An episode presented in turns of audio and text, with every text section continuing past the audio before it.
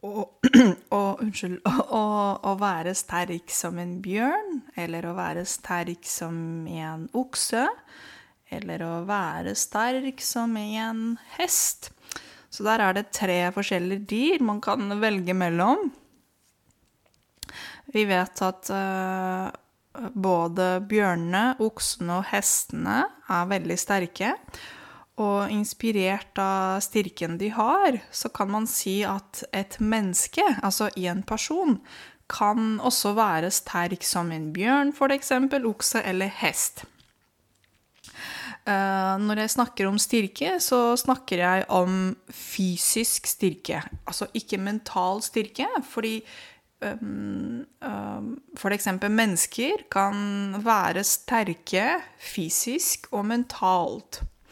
Men nå snakker jeg om en fysisk styrke, altså muskler, gruppe med muskler, som eh, vi har på kroppen vår.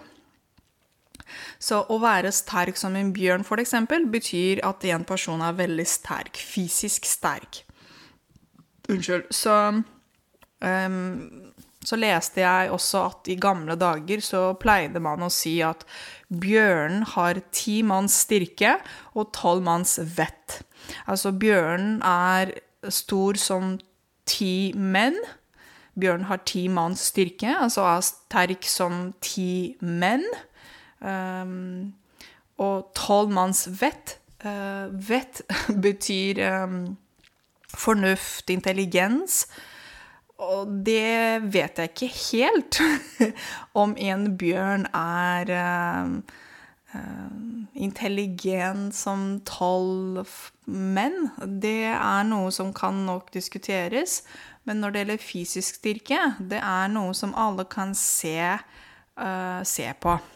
Så jeg kan gi dere et par eksempler. For eksempel hvis det er en gutt som snakker om pappaen sin, så kan han si Pappaen min er sterk som en bjørn. Han kan løfte både meg og mamma og broren min. Ok?